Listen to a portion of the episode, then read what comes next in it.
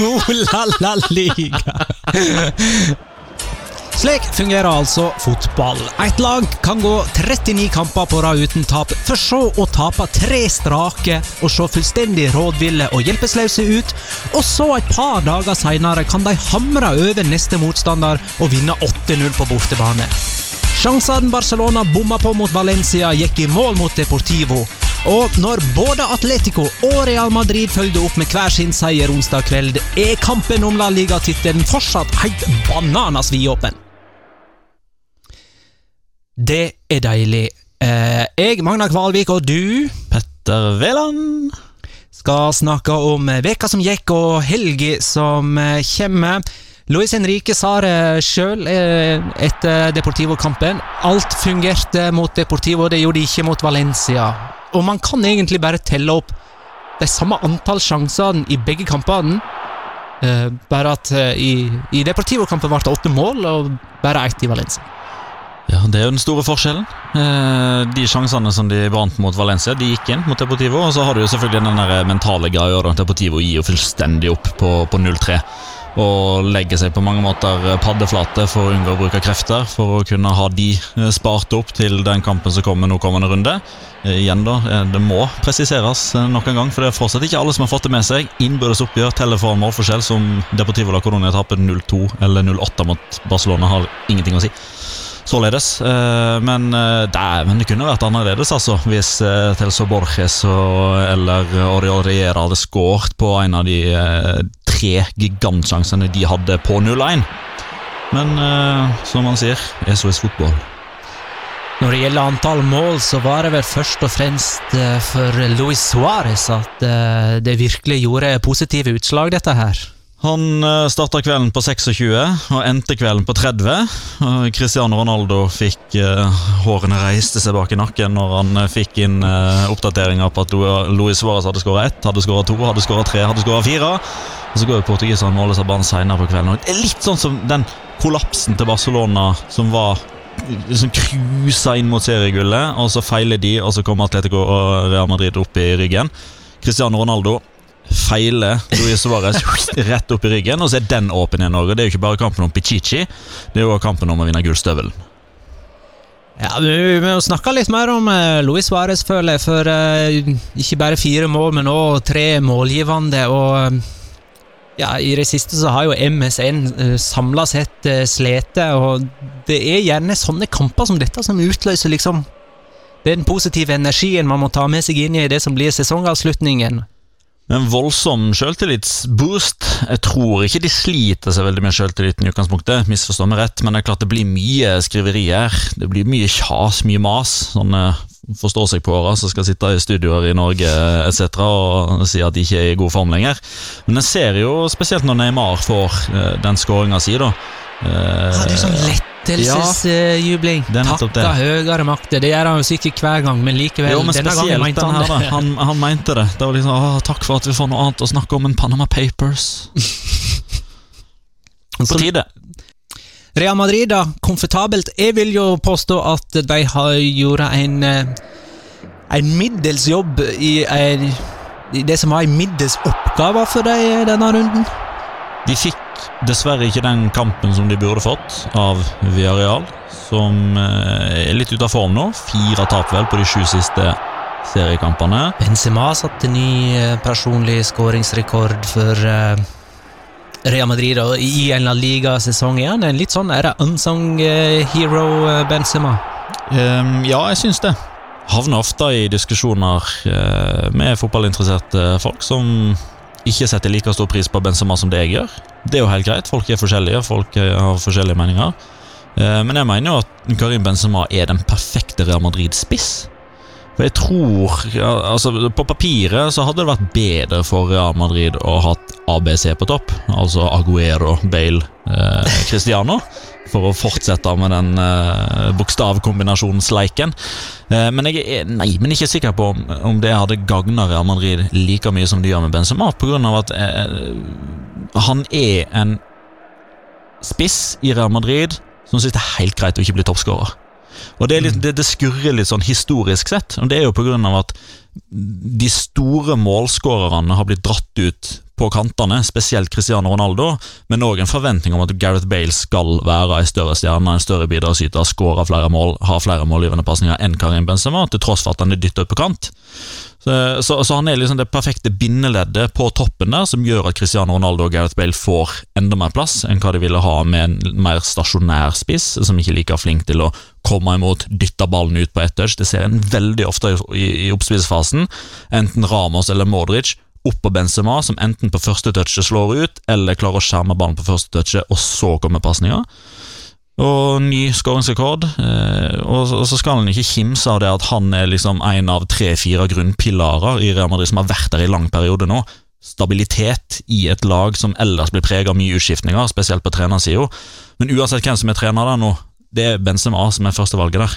Ronaldo ut med skade, men det er ufarlig. Tilbake igjen til Helge, i alle fall til uh, Manchester City-kampen neste uke. Han spiller garantert mot Manchester City, med mindre han er såpass sugen på Pichichi-tittelen at han spiller mot Raja Vallecano når han ikke bør gjøre det, og, og slår den opp og gjør det enda verre. En enda verre muskelskade bak eh, på uh, låret. Bale, da? Var ute uh, på det, det, sies jo at han ble skadet når han spilte golf, da. Ja, det er praktisk, det. Ja, det kan du si. Men har jo ikke fått de opplysningene bekrefta. Det, det, det, høres nesten litt for dumt ut, men det sies jo at han pådro seg den skaden han spilte golf. Zidane vil eh, verken bekrefte eller avkrefte det i forkant av realkampen.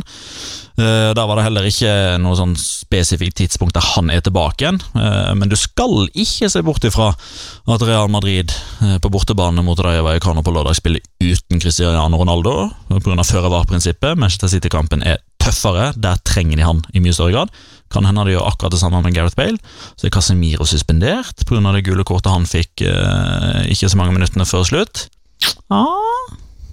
Oi, oi, oi. Spenning. Du, eh, det kan hende at Danilo får forholdsmessig mye omtale i Olala Liga, men jeg er nødt til å snakke litt om han. Han er ikke Real Madrids mest profilerte spiller, men er han i ferd med å bli en liten skrue vi kan ha det litt moro med? Er han eh, arvtakeren både på posisjons... Eh, altså både posisjonsmessig, men også litt sånn kultheltmessig? For ja, de, Alvaro Arbeloa? Ja, har han det potensialet? Er han altså, Brasils altså, Alvaro Arbeloa? Han satte sikkert ny rekord i antall feilpasninger og skli på trynet-anledninger og mottaksbom i første omgang. Ja, dumme frispark imot, han hopper inn og sånn Ja, nei, det ser bare teit ut. Og så har han eh, han er blant de forsvarerne med flest målpoeng. Han er vel den ja. med mest? To mål, fire målgivende? Målgivende til Modric. Den var jo strålende. Hele angrepet det blir jo leda av Danilo der. Og så har du det gule kortet som jeg synes er helt legendarisk. Når, når det er Casemiro helt åpenbart som feller Suárez, Denny Suárez, mm. og så står liksom Danilo der bare og ser rundt seg og skjønner ikke hva som skjer når han får det gule kortet. Det er så herlig uttrykk.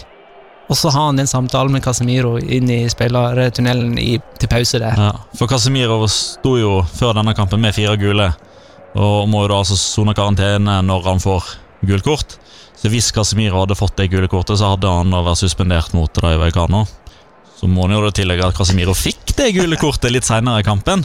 Eh, så ikke ut som noe sånn åpenbart eh, tarjeta fortada, som er et fenomen vi er innom relativt ofte. Det var en eh, i overkant hard takling, hvis jeg ikke husker helt feil. Men en, en, artig situasjon med en spiller som er i ferd med å bli en liten kulthelt. Atletico, da? Torres? Same, same procedures every Partido, Hadde det vanskeligste oppgaven, spør du meg. Ja, ja, Borte mot Atletic, ja, og så vinner de. Og så er Torres bare helt sinnssyk om dagen. Ja, fantastisk hodestøt denne gangen. På innlegg fra Antoine Griezmann. Det er spissparet der, vet du. Det er jo helt David Villa Diego Costa det nå. Ja, det er det. Og det er liksom For første gang i karrieren så skårer han i fem kamper på rad, eh, og han er liksom han, bedre enn noen, bedre enn noen gang? Bedre enn noen gang. Klar for EM 2016. Det er en relativt liten tidsperiode vi snakker om her. da den, den siste måneden, halvannen, så har han jo vært on fire. Men den måneden, halvannen, Magnar, har kommet etter at Diego Simione på mange måter offentlig sa at Fernando Torres ikke kom til å få forlenga kontrakten. Mm. Nei, men ikke sikker på om Simione sto og fortalte sannheten der. altså. Der lurer jeg på om han, eh, han tester han litt. En han vil ha, han vil ha et svar. Mm. Bodin, er han lenge ute.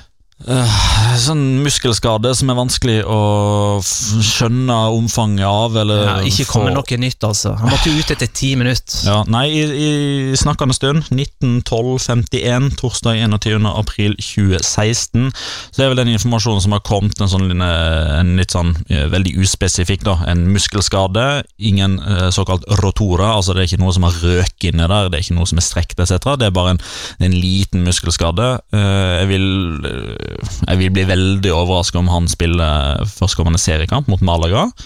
Så får han jo håpe for Atletico Madrid sin del at han rekker Bayern München-kampen. Men samtidig så sitter jeg nå med en sånn feeling av at det er ikke så krise allikevel. For Atletico Madrid at Diego Godin er ute, for nå har han vært ute i ganske mange sånne store oppgjør den siste tida. Og Lucas Hernandez har klart seg strålende. Stefan Savic var fantastisk god i, i kampen i går. José Maria Jiménez får grønt lys for det medisinske apparatet denne uka her. Ja, Det er viktig, tross alt. da. Meget viktig. så Hvis du da får Jiménez Savic eller Jiménez Lucas, alt ettersom ja. hvem uh, Simeone velger, så er det klart på papiret så skulle han jo selvfølgelig hatt Godin. Han hadde valgt Godin eh, 20 av 20 ganger hvis han hadde hatt mulighet. Men Diego Simione og Atletico Madrid sin måte å spille fotball på gjør at det er liksom det er så klart, da. Alle veit hva de skal gjøre. Det er elleve mann som forsvarer seg. Det er ikke to stoppere som leder alle de andre. Så det går liksom bare rett inn i en velfungerende maskin, og skal liksom bare være i en posisjon. Eh, hoppe, heade, eh, takle, eh, slå ballen unna når de kan. Posisjonere seg riktig, ta ut spillere.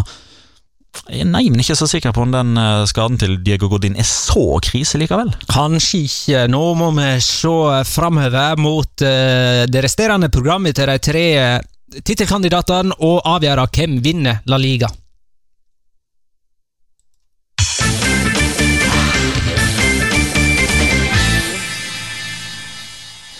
Vi kan dønne med Barcelona, spør du meg.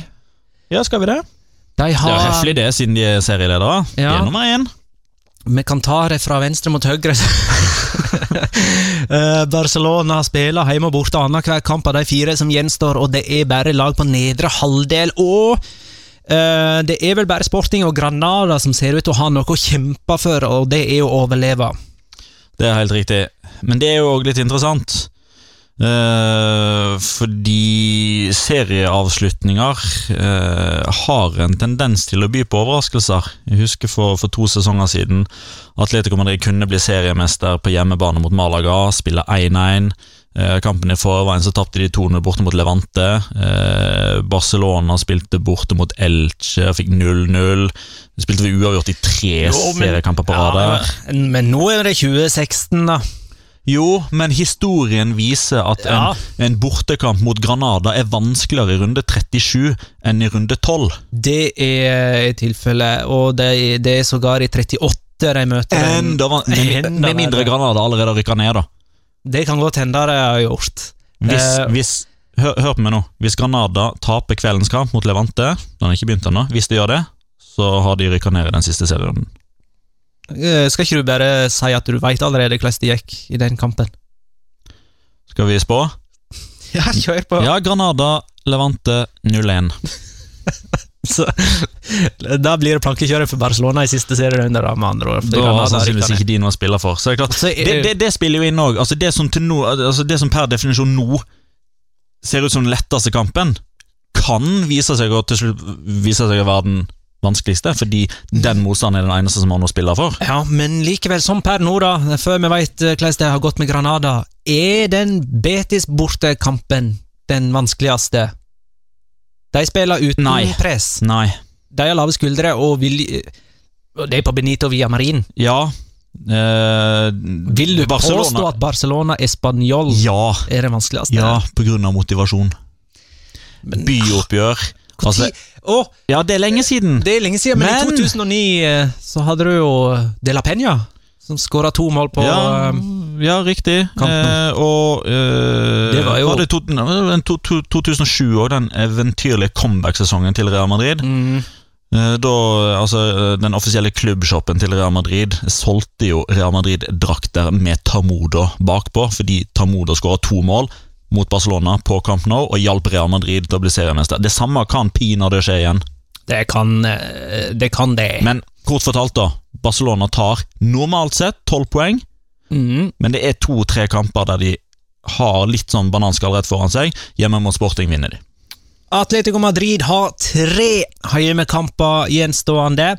Den ene bortekampen de har, er mot Levante, og det er et helvete for Atletico å møte i, på Ciudad de Valencia. Hvordan er det? Jeg tror ikke de har vunnet siden 2007. Det er helt riktig. Eh, Jeg husker de spilte 1-1 i første serierunde for noen år siden. Og så var det jo 2-0 for to sesonger siden. Klarte de ikke å vinne forrige sesong heller. Det var òg seint i sesongen. Så der har du jo den situasjonen der Levante kanskje er nede. Kanskje spiller med kniven på strupen. Men likevel tar de poeng altså Uansett tar de poeng fra Atletico. Atletico har ikke vunnet der de siste fem gangene jeg har vært på besøk. Og mm, det er vel òg Er ikke det rett etter returoppgjøret mot Bayern München? Det er helt riktig. Så da vil jo Atletico Madrid komme til det oppgjøret enten fantastisk glade for ny semifinaleplass, nei, Finaleplass. finaleplass, eller litt sånn Det gikk ikke, og skal vi ødelegge La Liga òg nå? Ja. Mentale spillet, Magnar. Hæ? Det mentale Ja. spillet, Magnar. Det kan du Men de har tre av fire kamper uh, igjen på hjemmebane. De har det. Normalt sett en stor styrke. Men Atletico Madrid er jo faktisk bedre borte denne sesongen. Syns jeg. Jeg syns de overbeviser mer på bortebane. Real Madrid har eh, motsatt av eh, Atletico. De har tre bortekamper og én hjemme. Mm. Blant bortekampene finner vi ja, nå til helga mot Rayo. De pleier å høvle over Rayo, det pleier ikke å være særlig motstand. Men Real Sociedad på Anueta, den er lei. Midt, midt imellom Manchester City borte og Manchester City hjemme. Mm. 4-2 til Real Sociedad forrige sesong. Ja. Og Real Sociedad har allerede slått Barca denne sesongen. Forrige sesong så slo de jo både Barca, Real Madrid og Atletico Madrid. Så det er et eller annet som skjer med Real Sociedad når de store lagene kommer på besøk. Det er ikke noe tvil når vi ser på de fire resterende kampene til de tre lagene, sånn som står er nå, så er det Real Madrid som har det klart vanskeligste. Klart vanskeligste. Men de har den klart beste formen òg. Åtte seire på rad. Og jeg syns nå, eh, hjemme mot Viareal, Villarreal, ingen stor fotballkamp. De sprudler ikke offensivt på samme måte som når de eh, skårer seks mål. det trenger ikke det heller. De trenger ikke det, for de har meget, meget meget god kontroll defensivt. Det tror jeg var kanskje det som gleder Zinedine Zidane aller mest. Er det slik at én uavgjort sender et lag ut av denne tittelkampen? Potensielt sett, eh, men samtidig det, det, det er et eller annet som bringer meg tilbake til 2013-2014. Atletico Madrid kan fortsatt vinne La Liga, eh, som de, som de kunne da. Eh, Real Madrid og Barcelona er rett ved. Altså Det er tre lag som kan vinne. Du har nettopp hatt et Cha- Champions League-kvartfinale, dobbeltoppgjør mellom eh, Barcelona og Atletico Madrid, der Atletico Madrid har gått videre. Alle de tre lagene møter lag som er nede i sumpa, som kjemper for å unngå nedrykk. Real Madrid møter Rayo Vallecano, Atletico Madrid møter Levante, Barcelona møter Granada. Er så mange likheter til den avslutninga i 2013-2014, og da var det litt sånn Steven Bradbury i eh, OL i 2002, altså. Da var det om å gjøre bare å holde seg på beina, så ble du seriemester. Ja, Det var altså han australieren som vant dette speedskating-løpet, der alle koreanere tryna rett før Salt. Lake City. Nemlig. Eh, Vi har ikke bilde av det. Ligger på YouTube. det ligger helt sikkert på YouTube. Men skal vi spå altså, For meg ser det ut som Barcelona vinner alle fire kamper. Tar Ja. poeng. Ja, det ser sånn ut. Da er de seriemester. Det er de. De er klare favoritter i Ola La Liga til å vinne serien. Det sa jeg for lenge siden. Skal vi minne folk om at det er Sevilla-derby til helga? Ja! Det er på søndag. Klokka fire på søndag. Sevilla Real Betis. Ordkrigen har allerede starta på eh, Instagram. Det har vært tastaturslagsmål. Adil Rami. Den, den mest sympatiske av de alle. Jeg skjønner ikke hvordan det kan ha, kan ha skjedd at han skal plutselig bli trigger-happy på, uh, nei, men på altså Instagram. Hva er det han skriver? Kortversjonen, da. Adil Rami blir skada uh, borte mot Sporting Chichon. Uh, får eh, sjikane med rop mot seg av Sporting Chichon-fansen. Gjør en håndbevegelse som provoserer. Dette ser Betis-fansen, eller legger merke til eller leser på Twitter etc., så de går inn på Instagram-kontoen hans og kommenterer på et bilde som han har lagt ut. Eh, og da svarer Adil Rami, det er jo ikke alltid så lurt, Eh, og han svarer da at eh, eh, derbyet på søndag, det, det, er ikke, det er ikke et derby, det er bare en oppvarmingskamp. Ja, det er egentlig et derby for Sevilla. Det er mot Malaga og Granada. Ja, det skriver han òg. Eh, og så skriver han òg direkte til en Betus-supporter at det eneste framtida kommer til å bringe, er et nedrykk til dere, og dere kommer ikke tilbake igjen før i 2045. Så dette det kommer altså fra en fransk eh, midtstopper som er inne i sin første sesong i Sevilla, som ikke skal spille Sevilla Derby pga. skade, og nå har han sletta bildet og der tilhørende kommentarer. Men internett fanger. Velkommen til Fun Fact! Begynn, du. Nei, Skal ikke du? Okay, i mine notater så står det at du skal begynne. Skal jeg begynne? Du skal begynne. Ok, nå begynner vi. Real Madrid har runda 100 mål for sesongen. Det har de dermed gjort sju sesonger på rad, altså hver sesong Cristiano Ronaldo har vært i klubben. Før han kom til Madrid, hadde klubben klart tresifra antall mål bare én gang i historien. Cristiano Ronaldo gikk skade av banen kort tid før slutt mot Villarreal. Dermed er fortsatt Fabricio Colocini den forrige utespilleren som har spilt samtlige minutter i løpet av en La Liga-sesong for Deportivo i 2007-2008. Luka Modric skåra mot eh, Villarreal. Det var hans sjette La Liga-mål siden han kom til Real Madrid i 2012, men det var hans første mål fra innafor 16-meteren. Resultatet 0-8 har inntruffet i La Liga kun fire ganger i løpet av historien, samtlige i favør av Barcelona. I 1959 mot Las Palmas, i 2010 mot Almeria, i 2015 mot Cordoba og denne uka mot Deportivo. Og Suárez skåra fire av de målene. Det er første gang en Barcelona-spiller gjør det i en seriekamp på Riazor, og det er første gang noen som helst har gjort det siden 1952. Og det var ikke bare det at han skåra fire mål, han hadde òg tre målgivende pasninger. Og det er første gang i historien at en spiller gjør det, altså fire mål og tre målgivende, på bortebane i La Liga. Jan Oblak har holdt nullen i 21 seriekamper denne sesongen. Det er ny klubbrekord for Atletico Madrid. Courtois holdt nullen i 20 kamper to sesonger på rad, fra 2012 til 2014.